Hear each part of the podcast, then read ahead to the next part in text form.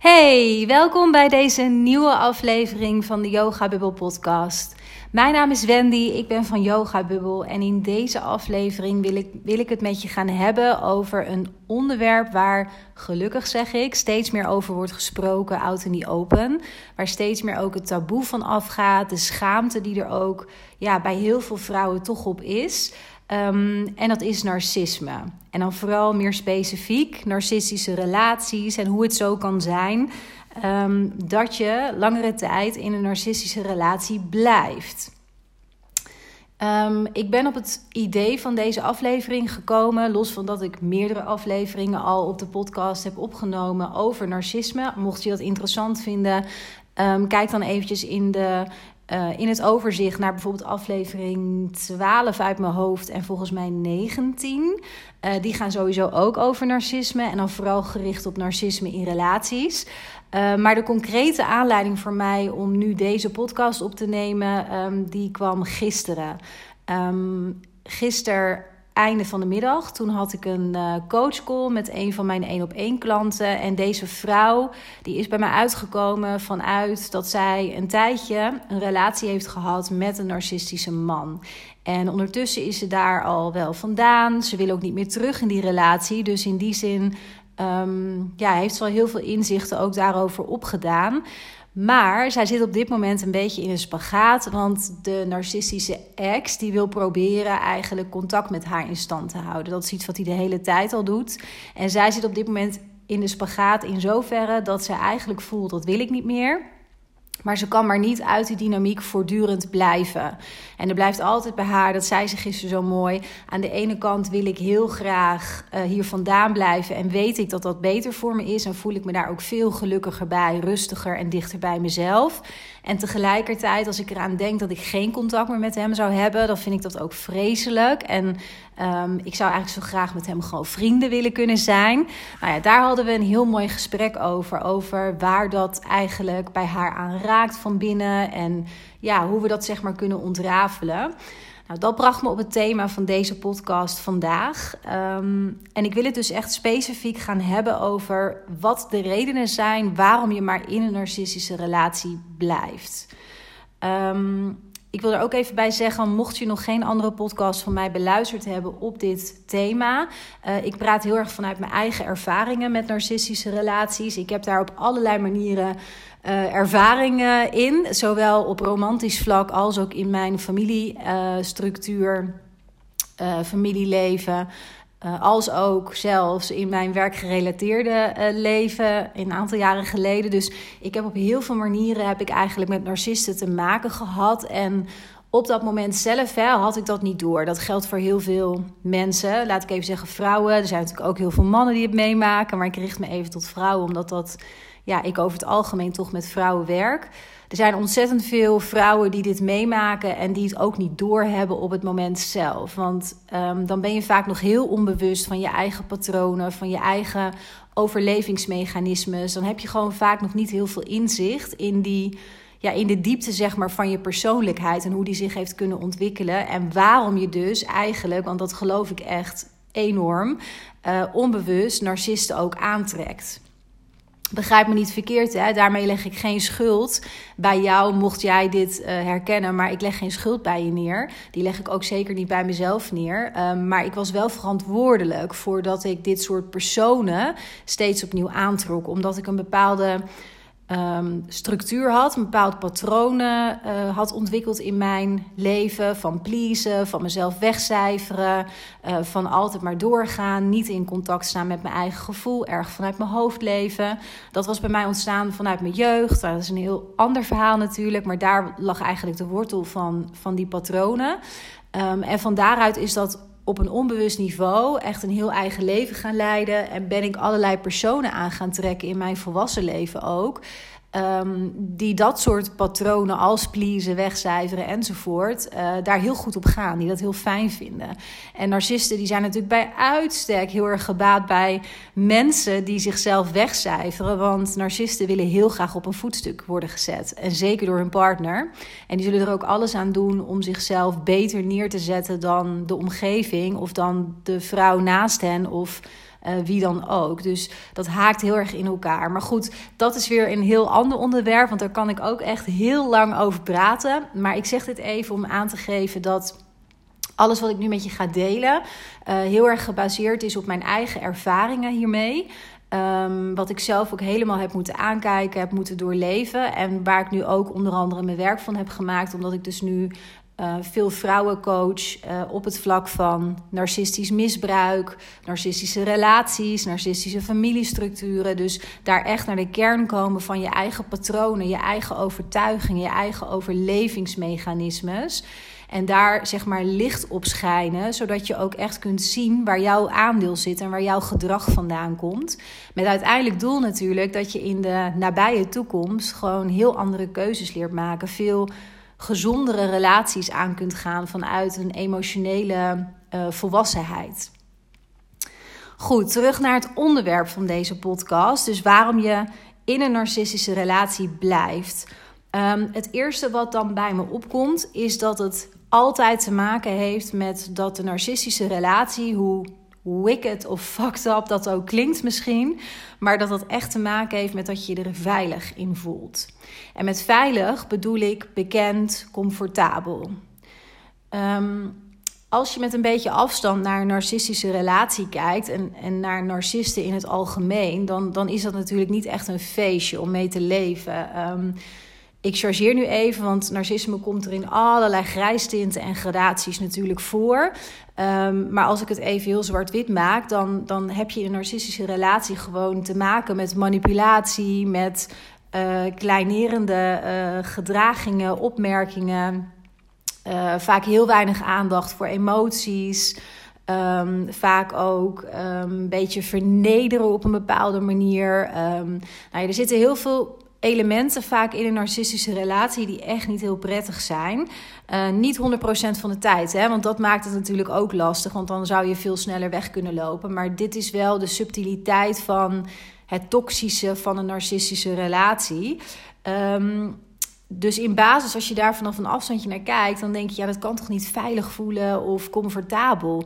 Maar op het moment dat jouw achtergrond er eentje is van jezelf altijd op het tweede, derde, vierde plan zetten. Um, er niet mogen zijn, je eigen binnenwereld ook zelf niet accepteren, omdat je misschien vroeger hebt gehoord dat je te gevoelig bent of raar bent of eens normaal moet doen, of nou ja, wat het maar voor elementen zijn, wat ik vaak om me heen hoor. Um, dan ga je leren om jezelf dus gewoon in allerlei vormen te bewegen, te buigen en gewoon eigenlijk mee te bewegen met de grillen van iemand anders. En dan voelt het eigenlijk op een soort vreemde manier, voelt het heel veilig omdat het dus bekend is dat iemand niet liefdevol met je omgaat. Ik herken bijvoorbeeld zelf ook heel erg dat ik ja, best wel uit een familie kom waar veel hardheid uh, zat. En dat is niet expres gegaan, hè? want um, ik heb verder ook op andere fronten echt een hele fijne jeugd gehad. Alleen op emotioneel vlak uh, heb ik echt iets anders nodig gehad. En is er heel veel weggeduwd. Ben ik heel jong um, ja, zorg gaan dragen, verantwoordelijkheid gaan dragen binnen mijn gezin, die helemaal niet van mij was. En dat heeft dus gemaakt dat ik eigenlijk mezelf ook heel lang ben gaan wegstoppen. En al heel jong in mijn hoofd ben gaan leven. En helemaal uit contact ging met mijn gevoel, uh, met mijn emoties, met mijn lichaam. En als je dat gaat doen, dan is het dus later in je leven, dat kan op allerlei manieren kan dat gebeuren, hè? maar als je dan dus specifiek met narcisme te maken krijgt, dan is dat gewoon bekend voor je. Als iemand dan lelijk tegen je doet of jou, tegen jou zegt van Um, je bent veel te emotioneel en stel je toch niet zo aan. Of uh, daar, daar kan ik niks mee, kan ik niet met je over praten. Moet je maar zelf uitzoeken. Nou ja, het kan allerlei vormen en woorden krijgen. Maar als iemand dat dan tegen je zegt, dan is dat gewoon iets bekends. En dan denk je, oh ja, dat ken ik. Nou prima, dan uh, bespreek ik dat niet meer met jou. Zo ging dat ook bij mij. Dus je gaat eigenlijk abnormaal gedrag normaliseren. En dat is omdat het dus een bepaalde bekendheid voor je heeft, een bepaalde veiligheid daarmee. Klinkt misschien heel gek, maar het had voor mij veel onveiliger gevoeld vroeger. Als ik iemand had getroffen die mij dus had gevraagd: Maar vertel eens, wat doet dit nou echt met je? Wat voel je hierbij? Wat raakt dit in jou? Daar had ik helemaal niet mee kunnen omgaan, omdat ik daar gewoon zelf niet eens woorden aan had kunnen geven. Ik was daar zo in afgestomd. Dus ja, dan voelt zoiets bekend en veilig en eigenlijk comfortabel hè, binnen je comfortzone. Nou, de tweede reden waarom heel veel vrouwen ehm, in een narcistische relatie blijven, dat heeft te maken met een bepaalde mate van romantiek en avontuur. Ehm, het eerste wat ik daar even nog over wil zeggen is romantiek. Daarmee bedoel ik uh, dat, dat een relatie met een narcist um, eigenlijk zonder uitzondering bijna, want dat is ook hun tactiek, um, begint heel erg prachtig. Um, heel romantisch. Je wordt vaak overladen met mooie woorden, met liefde, met bloemen, met kaartjes, met, nou ja, uh, Romeo en Juliet is er eigenlijk niks bij. Um, het is gewoon heel over de top romantisch vaak ook. En vaak um, beginnen narcisten ook heel snel over samenwonen, over trouwen, over kinderen krijgen. Om die verbindenis ook in de realiteit zeg maar vorm te geven. En ze op die manier natuurlijk een bepaalde grip nog meer op jou gaan krijgen. Want dat is uiteindelijk sorry, waar hun eigen waarde op gebouwd is en op gestoeld is. Um, dus die romantiek die in het begin er heel erg is, die appt op een gegeven moment weg. Bij sommige relaties hoor ik dat dat al na een paar weken is. Bij de meeste is dat na een aantal maanden. Het kan een half jaar duren of een jaar. Maar dan op een gegeven moment ga je merken dat die romantiek er heel langzaam uitgaat. Um, en misschien is dat bij elke relatie tot op een zekere hoogte zo. Hè? Dat zou goed kunnen. Uh, alleen bij narcistische relaties, bij een narcist, um, heeft die romantiek, die is echt groots in hoofdletters. Dus als je daarop terugkijkt, dan zie je ook vaak wel van ja, dat was ook eigenlijk te mooi om waar te zijn. Een beetje dat is het vooral. Maar omdat je zo'n prachtig romantisch begin hebt, is dat ook vaak iets waar je dan met heel veel nou, warmte zeg maar op terugkijkt. En dat je bij jezelf ook dan denkt van ja, maar dit zit ook in deze man. Dus ook al is het nu anders en is hij nu niet meer lief voor me of um, weet ik wat, manipuleert hij mij, um, wat het maar is wat er gebeurt.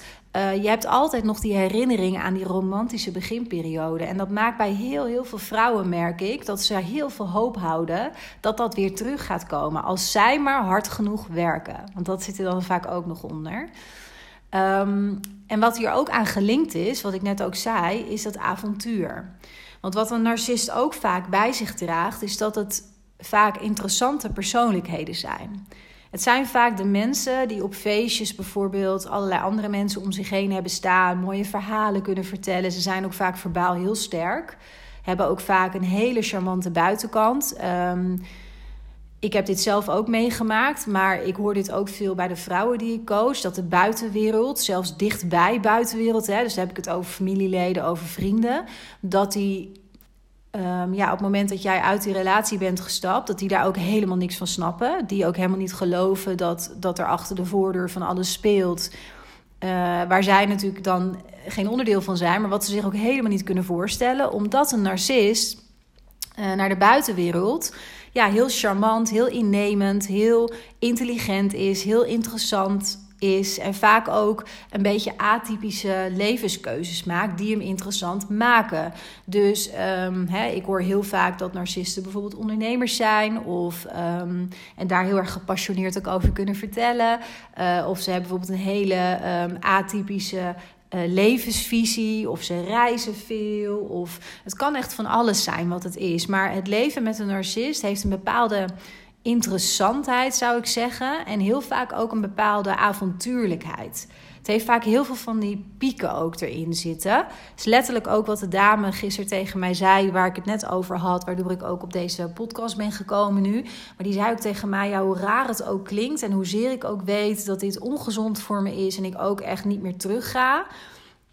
Ik mis wel een beetje uh, de glitters, de sparkle. En dat is precies wat ik bedoel. Dat is dat romantische en het avontuurlijke. Het leven met een narcist is in elk geval nooit saai. En dat is ook een bepaalde verslaving die dat creëert. Omdat je daardoor ook daar de hele tijd naar blijft hunkeren eigenlijk.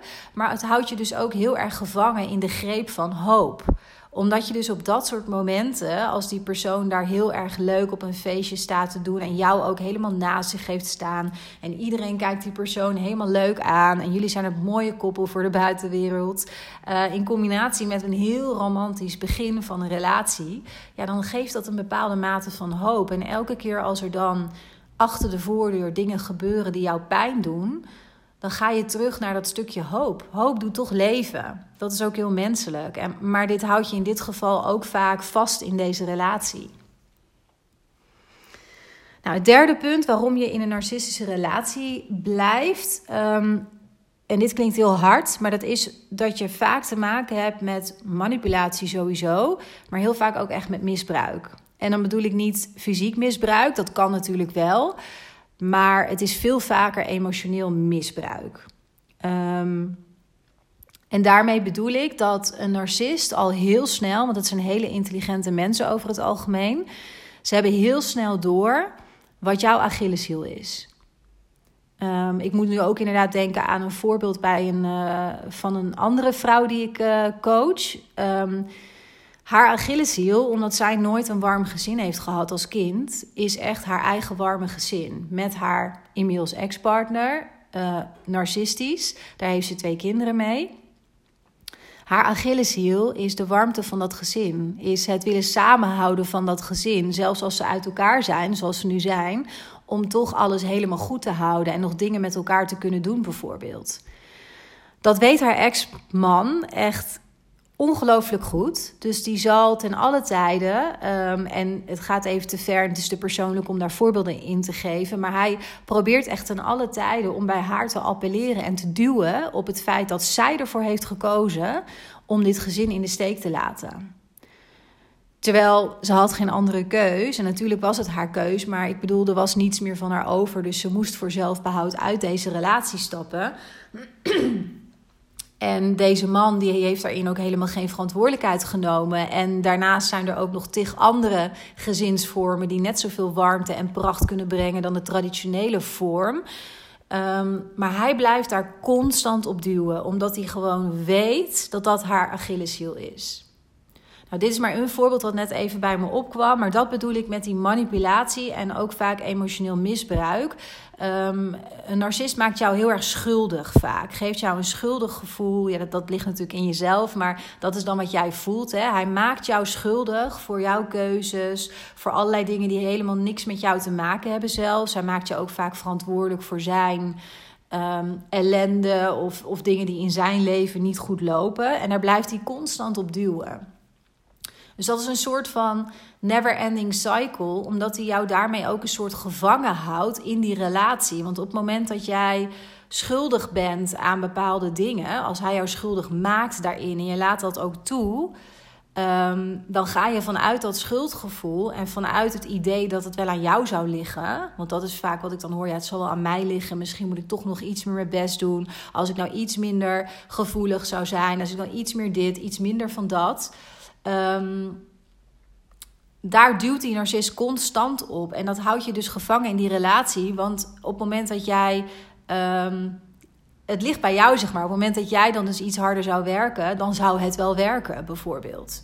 Dus dat is een soort van cyclus die heel moeilijk is vaak om te doorbreken, omdat je gewoon in moet gaan zien uh, dat dit manipulatie is en dat uh, een relatie altijd de verantwoordelijkheid is van twee mensen. En dat het niet gezond is, sterker, gewoon ontzettend ongezond is, dat uh, iemand en uh, helemaal jouw partner, je levenspartner, dat hij bij jou een bepaalde Achilleshiel gebruikt en daar constant op duwt om maar gedaan te krijgen van jou wat hij wil. En onthoud hierbij ook, hè, als jij in de situatie zit dat jij van jezelf al weet dat je in een narcistische relatie zit, of daar misschien net uit bent, maar nog merkt dat je heel ontvankelijk bent voor nou, je ex-partner misschien, die je dus, um, waarvan je verwacht dat die narcistisch is. Onthoud echt heel erg dat um, het gaat altijd om de narcist. De narcist die zal altijd alles uit de kast trekken, uh, zodat jij op je plek blijft, zodat jij je steeds minder waard gaat voelen, zodat jij je schuldig voelt, um, zodat hij zichzelf beter kan voelen. Want uiteindelijk is dat uh, waar het bij een narcist helemaal om gaat. Dat, dat die, ja, Kijk, een narcist heeft natuurlijk ook bepaalde. Maar goed, ga ik even een soort van sidestep maken. Een narcist heeft natuurlijk ook, is ook een mens, heeft ook een bepaalde achtergrond. En Ehm, mijn visie is dat narcisten zo niet worden geboren. Er zijn natuurlijk mensen die um, in eenzelfde situatie wel narcisme ontwikkelen als persoonlijkheidsstoornis. maar er zijn mensen in een vergelijkbare situatie die dat niet ontwikkelen. Dus er zal ongetwijfeld een bepaalde genetische aanleg uh, ja, liggen of een karakteraanleg. Of ik ben daarin ook geen, uh, geen professional, geen arts, zeg maar. Dus daar, dat weet ik niet. Uh, wat ik wel weet is. Um, dat narcisten uh, uiteindelijk dus ook mensen zijn. En ik heel erg geloof dat uh, zij simpelweg vroeger ook niet hebben geleerd om op een goede manier hun emoties te cultiveren, um, hun emoties ook woorden te geven, überhaupt met emoties om te gaan. Vaak hebben ze ook een bepaalde harde jeugd gehad of heel veel heftige dingen meegemaakt. Dat hoor je heel vaak.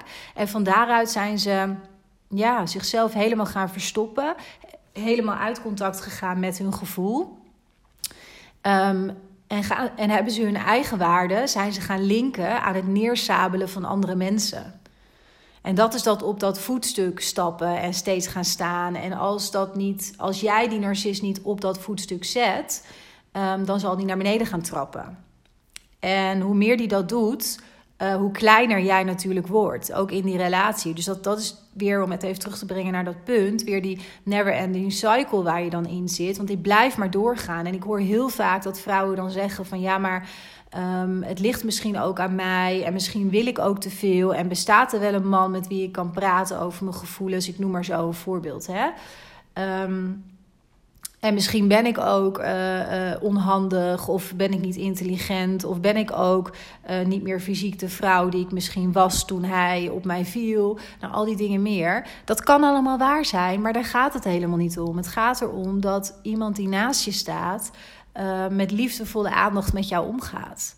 En vooral ook dat je jezelf dat gaat gunnen. Niemand heeft het recht om jou naar beneden te trappen, jou kleiner te maken, je te vernederen, te manipuleren, omdat dat voor hem beter uitkomt, zodat hij zichzelf beter kan voelen. Um, en probeer echt voor jezelf ook te beseffen dat de hoop die je daarin misschien hebt, dat jij daar invloed op kunt hebben, dat, dat is echt, echt volledig onterecht. Er is niks wat jij kunt doen in een relatie met een narcist om te zorgen dat het goed gaat. Want hij zal altijd een manier vinden om weer ergens anders op te duwen bij jou, waarvan hij weet dat je daar gevoelig voor bent, zodat je nog niet klaar bent met meer je best doen. Je zult altijd daarin moeten blijven rennen en dat is echt niet nodig. Goed, ik ga verder met het volgende punt. Dus waarom je in een narcistische relatie blijft, dat is het vierde punt wat ik daarbij um, wil benoemen, is dat je in een overleefstand zit. Um, ik zou willen zeggen, hier is geen enkele uitzondering op, want het kan namelijk niet anders. Leven met een narcist vraagt van je dat je in de overleefstand staat. Dat kan niet anders, want op het moment dat jij alles wat een narcist tegen jou zegt, hoe die doet, hoe die onderhuid zeg maar manipuleert, nou, ik noem het wel eens een soort van wormpje in je hoofd wordt, waardoor je aan alles gaat twijfelen wat je hebt gezegd, wat je doet, wat je leuk vindt, nou wat het ook maar is. Um, ja, als je dat helemaal binnen laat komen en in contact bent met je gevoel, met je intuïtie, met wie jij ten diepste bent, um, ja, dan, dan ga je weg. Dan kun je, want daar kun je niet mee leven. Dat doet gewoon ongelooflijk veel pijn natuurlijk als iemand um, regelmatig gewoon op je hart gaat staan. En gewoon hele vervelende dingen zegt. Of heel erg sneaky onder de mantel der liefde dingen bedekt. Maar wel hele nare dingen zegt eigenlijk daaronder. Daarom is het zo dat je mm, al heel snel in een uh, relatie met een narcist. En waarschijnlijk heb je dat eigenlijk altijd al gedaan voordat je in die relatie stapte. Want dit is een van de redenen waarom je erin kunt stappen. Maar goed, daar kom ik zo even op.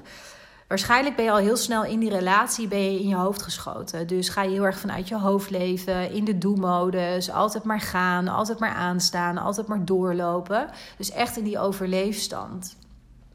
Um, en wat ik net zei, hè, vaak is het ook zo dat dat al aan de gang is voordat je in zo'n relatie stapt. Want um, hè, wat, wat ik ook in het begin zei over mijn eigen achtergrond. Ehm, als je altijd pleest, als je jezelf altijd wegcijfert, als je gewend bent om in de pas te lopen, um, jezelf aan te passen, om maar gewoon ja, bepaalde mate van liefde of zo te verdienen. Hè? Dus het is een beetje een voorwaardelijke vorm van liefde. Ehm, ik zou bijna willen zeggen dat dat per definitie van je vraagt dat je dus aan het in die overleefstand zit en vanuit je hoofd leeft. Dat was bij mij in elk geval heel erg zo. En ook dit zie ik heel veel terugkomen bij de vrouwen die ik, uh, die ik mag coachen. Um, je bent dan gewoon echt aan het overleven. Dat heeft niets te maken met gewoon leven. Vanuit ontspanning, vanuit doen wat voor jou goed voelt. Doen wat comfortabel en soms een beetje wat minder comfortabel voelt. Maar ik bedoel niet het comfortabele van de veiligheid en het bekende pad, maar ik bedoel het comfortabele vanuit je gevoel, vanuit je hart, vanuit je intuïtie, vanuit de sparkle, vanuit de kriebel die je kunt voelen bij iets. En op het moment dat je in die overleefstand zit, en dat is voor jou heel erg normaal, omdat je dat misschien dus ook altijd al zo hebt gedaan, ehm, ja, dan kun je dat heel lang volhouden. Want er moet vaak een bepaalde mate van crisis gebeuren, hè, waardoor je dan stil wordt gezet of waardoor de relatie niet meer gaat, omdat je echt voelt bij jezelf van, nou, ik ben mezelf gewoon helemaal verloren, ik weet niet meer wie ik ben of waar ik blij van word. Dat is bijvoorbeeld wat mij ook heel erg is gebeurd.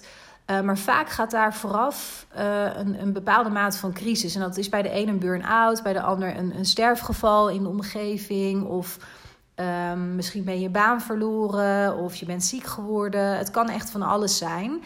Um, maar het is vaak iets nou, heftigs wat er gebeurt in je leven, waardoor je echt stil moet gaan staan, waardoor je echt nou, gedwongen wordt om stil te staan. En van daaruit voor het eerst beseft: wat wil ik eigenlijk zelf? Wat voel ik eigenlijk?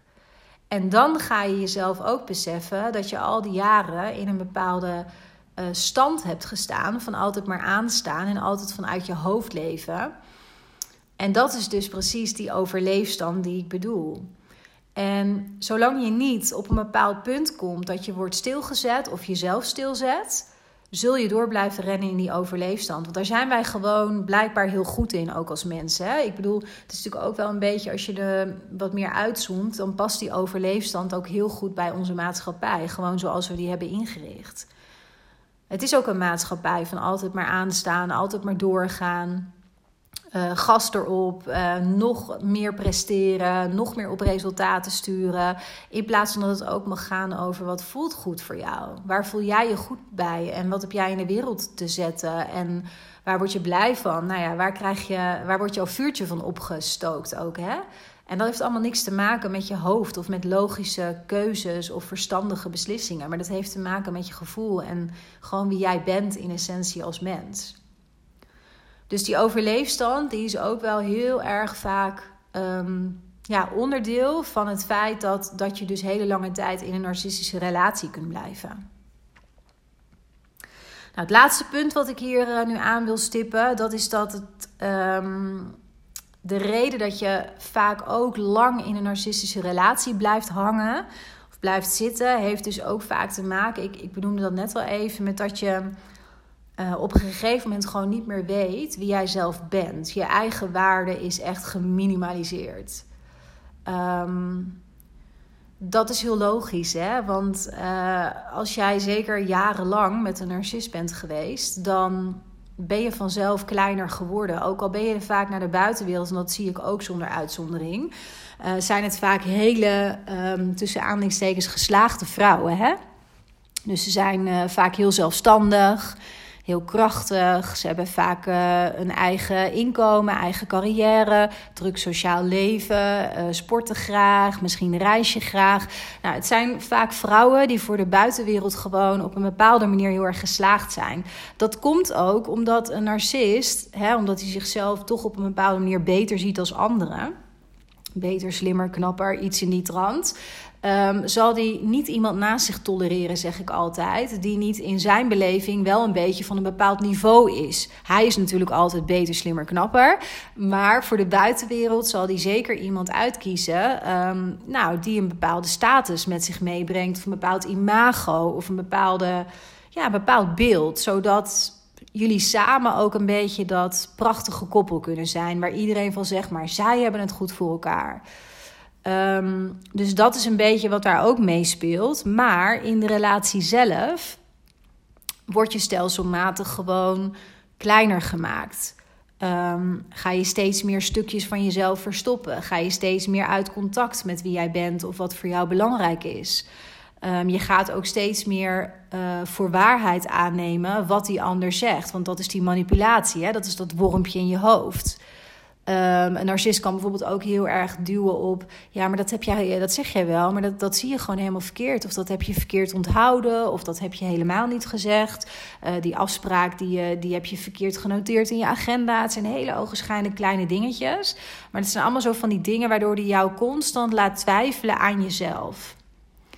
Um, ja, en ik, als ik bijvoorbeeld naar mezelf kijk, dan, dan denk ik dat ik zelf niet een enorm lage eigenwaarde had toen ik uit een narcistische relatie uh, stapte. Maar ik hoorde mezelf nog wel heel duidelijk zeggen: ja, wie ben ik eigenlijk zelf?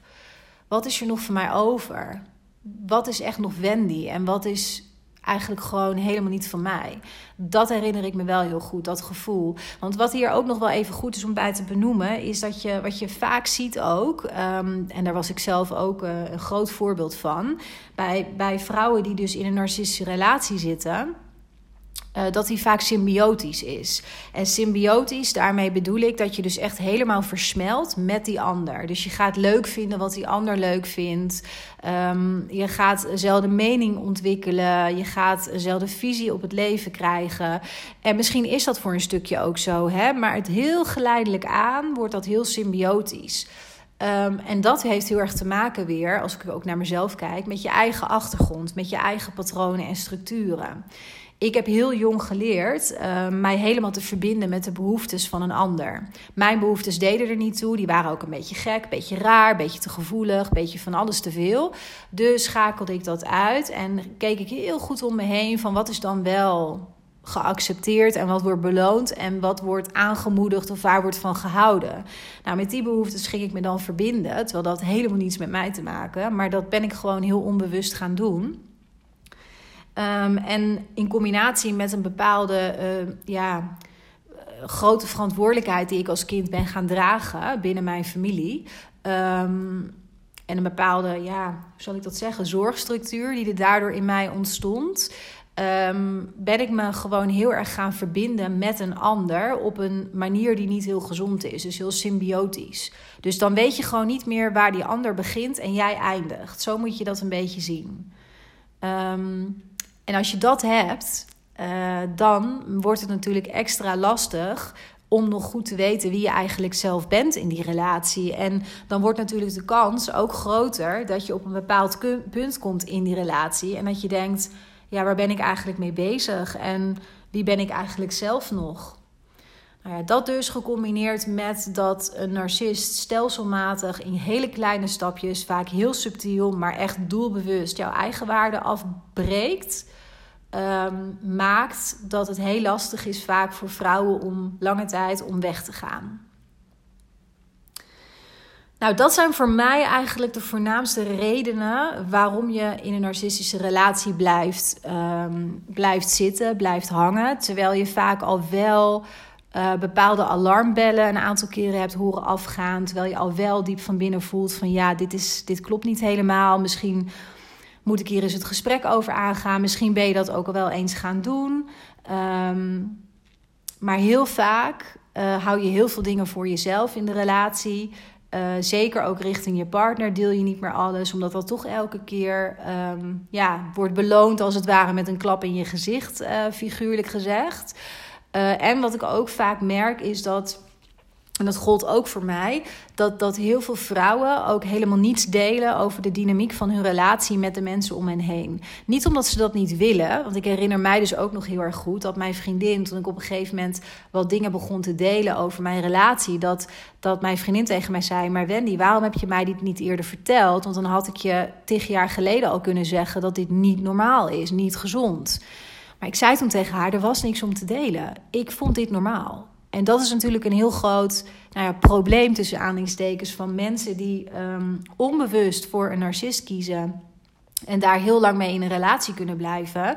Dat je heel veel van gedrag, wat ik ook al in het begin zei, wat gewoon echt compleet abnormaal is en ongezond, dat je dat heel erg gaat normaliseren. En dat, je, ja, dat het voor jou is zoals het is. En dat je daar helemaal, dat je dat eigenlijk ook helemaal niet raar vindt. Want zo is jullie dynamiek nou eenmaal. Er is gewoon niets om te delen met de mensen om je heen. En op het moment dat je dat dus ook niet doet, ja, dan zit je dus echt alleen maar in je eigen wereldje, in je eigen bubbel. En ja, is dat wat je in die bubbel beleeft, is dan op dat moment ook normaal. Ik weet ook nog voor mezelf bijvoorbeeld dat hoe meer ik begon te delen met de mensen om me heen over hele kleine voorbeelden uit mijn relatie, hoe meer het mij duidelijk werd hoe ongezond het eigenlijk was. En daar wou ik zelf eerst helemaal niet aan, want voor mij kwam ook het, het inzicht van het narcisme pas veel later. Ehm, en ik vind het label op zich ook nooit zo heel interessant, want ja, het is ook maar een naam en label voor, voor bepaalde gedragskenmerken en bepaald, ja, bepaald gedrag. Maar het geeft vaak wel, dat merk ik dus ook bij de vrouwen die ik begeleid, dat het wel heel veel helderheid geeft over ja, dingen die zijn gebeurd. Dat heel veel dingen veel beter te plaatsen zijn voor, als je dus weet van oké, ik kan dat dus aan die kapstok ophangen. Goed, ik ga er langzaam een einde aan maken.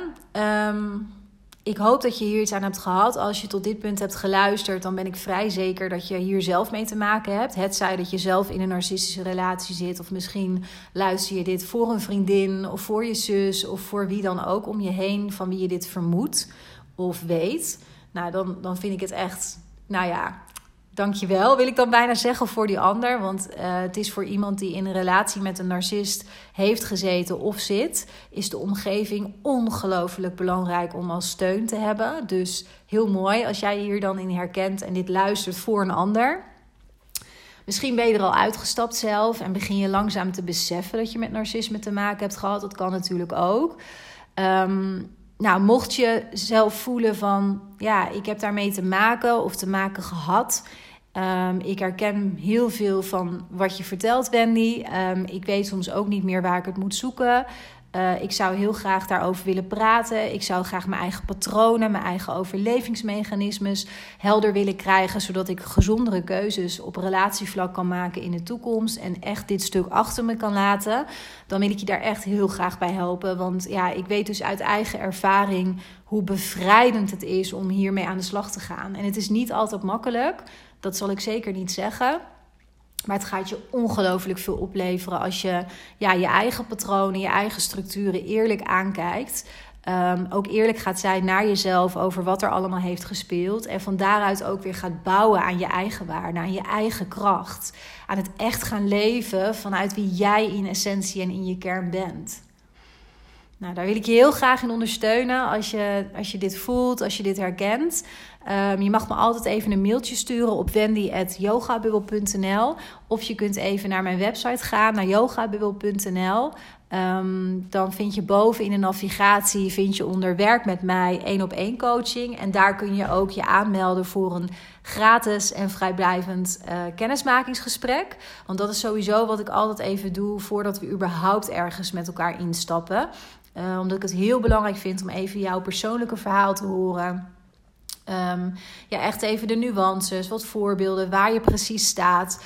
Uh, zodat ik op die manier ook al wat meer beeld bij je krijg en echt goed kan inschatten of ik denk dat ik je echt verder kan helpen. Um, en dan vertel ik je natuurlijk met liefde iets meer over het traject en kun je zelf de keuze maken of, uh, of dat nu is wat bij je past. Um, iets anders nog, wat ik ook nog even toe wil voegen. Ik geef ook heel regelmatig, uh, omdat dit thema me dus zo aan het hart gaat. En omdat ik zo ongelooflijk graag vrouwen wil helpen die in hetzelfde ja, schuitje eigenlijk zitten als waar ik zelf uh, heel lang in heb gezeten. Uh, geef ik ook met enige regelmaat gratis online masterclasses, eigenlijk webinars. Waarin ik echt in een uurtje tijd de kenmerken van een narcistische relatie bespreek. Dus Um, je hoort dan echt ook iets meer over mijn eigen verhaal. Omdat ik me voor kan stellen dat dat misschien ook uh, ja, een beetje herkenning geeft. Een bepaald perspectief ook geeft, vaak hoor ik. Maar ik ga vooral ook in dat uur heel veel vertellen over hoe je narcisme nou echt herkent in een relatie. Wat er allemaal onder valt. Uh, en we gaan het heel erg hebben over welke patronen er bij jou onder liggen. Dat jij hebt kunnen kiezen voor een narcist. En vooral ook, ik geef je heel praktische tips. Uh, aan het einde hoe je hiermee om kunt gaan en hoe je jezelf daartegen kunt beschermen en hoe je voor jezelf ook gezondere keuzes kunt maken. Nou, deelname is altijd gratis. Uh, het is dus ongeveer een uurtje en um, op dit moment uh, van opnemen is het maart 2022 en heb ik op, moet ik het even goed zeggen? nee, het is bijna maart. het is nu nog februari, maar ik heb op 2 en 3 maart aanstaande Um, geef ik twee gratis masterclasses weer om tien uur ochtends over kenmerken van een narcistische relatie. Um, je kunt je dus aanmelden. Mocht je op dat moment niet kunnen, dan kun je je ook gewoon aanmelden. Want je ontvangt daarna gewoon een replay link. En dan kun je 48 uur lang uh, de opname gewoon lekker kijken op het moment dat het voor jou beter uitkomt. Um, maar aanmelden is dus gratis. En nou, ik krijg er altijd heel veel positieve reacties uit. Dus uh, mocht je dat interessant vinden, dan kun je je nu aanmelden. Ik zal heel even de link in de show notes uh, zetten. Daar vind je meer informatie over de webinar en kun je je aanmelden. En ik zal ook in de show notes even. Uh, mijn e-mailadres nog zetten. Mocht je al de behoefte voelen om je verhaal met me te delen of een kennismakingsgesprek in te willen plannen. plannen. Nou, dankjewel voor het luisteren. Ik wens je ongelooflijk veel liefde, kracht. Um, ja, en steun toe vanuit jezelf en ook vanuit je omgeving. En weet echt dat je niet alleen bent. Ben je echt niet. En je voelt het goed. Je mag vertrouwen op je gut, op je onderbuik. En um, je mag elke dag anders kiezen. Vergeet dat nooit. Nou, heel veel liefs voor nu. En uh, nogmaals dank voor het luisteren. En ik wens je een hele fijne dag.